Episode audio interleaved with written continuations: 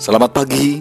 Janganlah engkau lupa memperkatakan kitab Taurat ini, tetapi renungkanlah itu siang dan malam, supaya engkau bertindak hati-hati sesuai dengan segala yang tertulis di dalamnya. Sebab dengan demikian perjalananmu akan berhasil dan engkau akan beruntung. Mari kita terus dengarkan firman Tuhan dan sukses selalu. Shalom Bapak Ibu yang dikasih Tuhan Renungan hari ini berjudul Bapak yang hanya diam. Firman Tuhan diambil dari Lukas 15 ayat 11 sampai 13 Yesus berkata lagi Ada seorang mempunyai dua anak laki-laki. Kata yang bungsu kepada ayahnya Bapak berikanlah kepadaku bagian harta milik kita yang menjadi hakku Lalu ayahnya membagi-bagikan harta kekayaan itu di antara mereka. Beberapa hari kemudian, anak bungsu itu menjual seluruh bagian itu, lalu pergi ke negeri yang jauh, di mana ia memboroskan harta miliknya dengan hidup berfoya-foya.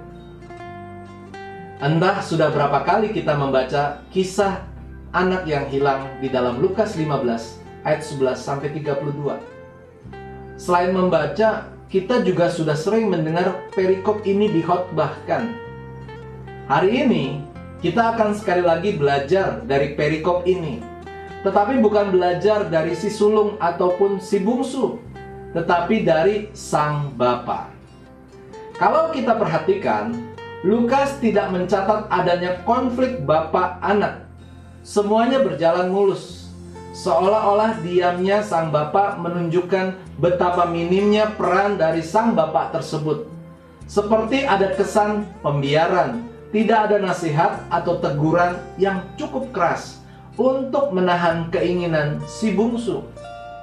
Ketiadaan ketegasan dan sanksi atau hukuman serta didikan akan aturan sopan santun cukup mengherankan. Sebab di dalam tradisi Yahudi, peran dari seorang ayah atau bapak cukup signifikan dan sentral di dalam mengajarkan Taurat dan etika bagi anak-anaknya. Benarkah penggambaran tersebut menunjukkan salah satu karakteristik dari Tuhan? Orang ateis dan agnostik telah lama sampai pada kesimpulan bahwa Tuhan tidak peduli dengan keberadaan dunia ini. Tuhan telah mati Demikian kata John A. Robinson. Tuhan yang tidak menghalang-halangi terjadinya kejahatan atau kriminalitas, terjadinya musibah, bencana alam, dan lain-lainnya. Dialah sebab atau jawaban atas segala pertanyaan, mengapa semua ini dapat terjadi. Tuhan diam. Pemberian warisan tanpa ribut-ribut seolah-olah Bapak menyetujui perkara itu. Benarkah demikian? Benarkah kesimpulan dari orang-orang ateis dan agnostik ini? Tetapi coba kita perhatikan bagaimana Tuhan Yesus menggambarkan diamnya sang Bapa sejak awal. Pada akhirnya diimbangi dengan tidak keluarnya kata-kata makian atau omelan kepada si bungsu yang sebenarnya memang sudah siap untuk dimarahi. Sang bapak hanya melakukan tindakan-tindakan yang sebenarnya jauh lebih bermakna dan lebih dalam bila dibandingkan dengan hanya berkata-kata. Tindakan-tindakan yang sejujurnya bisa membuat si bungsu dan siapa pun yang melihatnya dan hadir pada saat itu hanya bisa meneteskan air mata keharuan. Kita belajar bagaimana hati sang bapak mudah tergerak oleh belas kasih.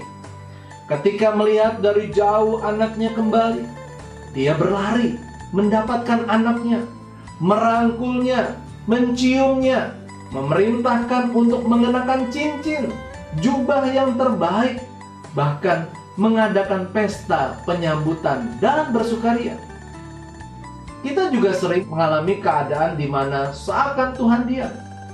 Seakan Bapa di sorga membiarkan kita dan tidak peduli terhadap apa yang menimpa kita.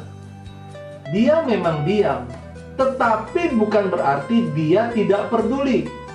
dalam diam, Dia selalu berharap kita kembali kepadanya.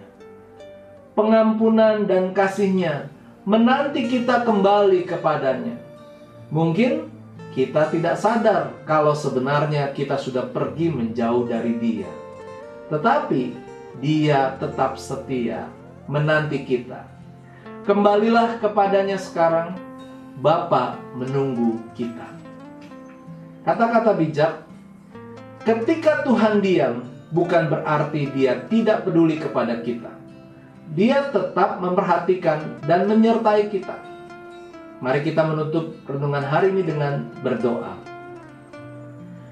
Bapa, ketika Engkau diam dan seolah tidak peduli kepadaku, buat aku percaya bahwa Engkau memperhatikan dan peduli kepadaku.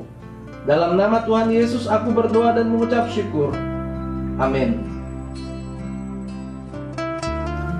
Marilah kita membagikan renungan ini ke semua orang yang kita cintai, agar mereka pun mendapat kekuatan baru dan menerima berkat saat mendengarkannya.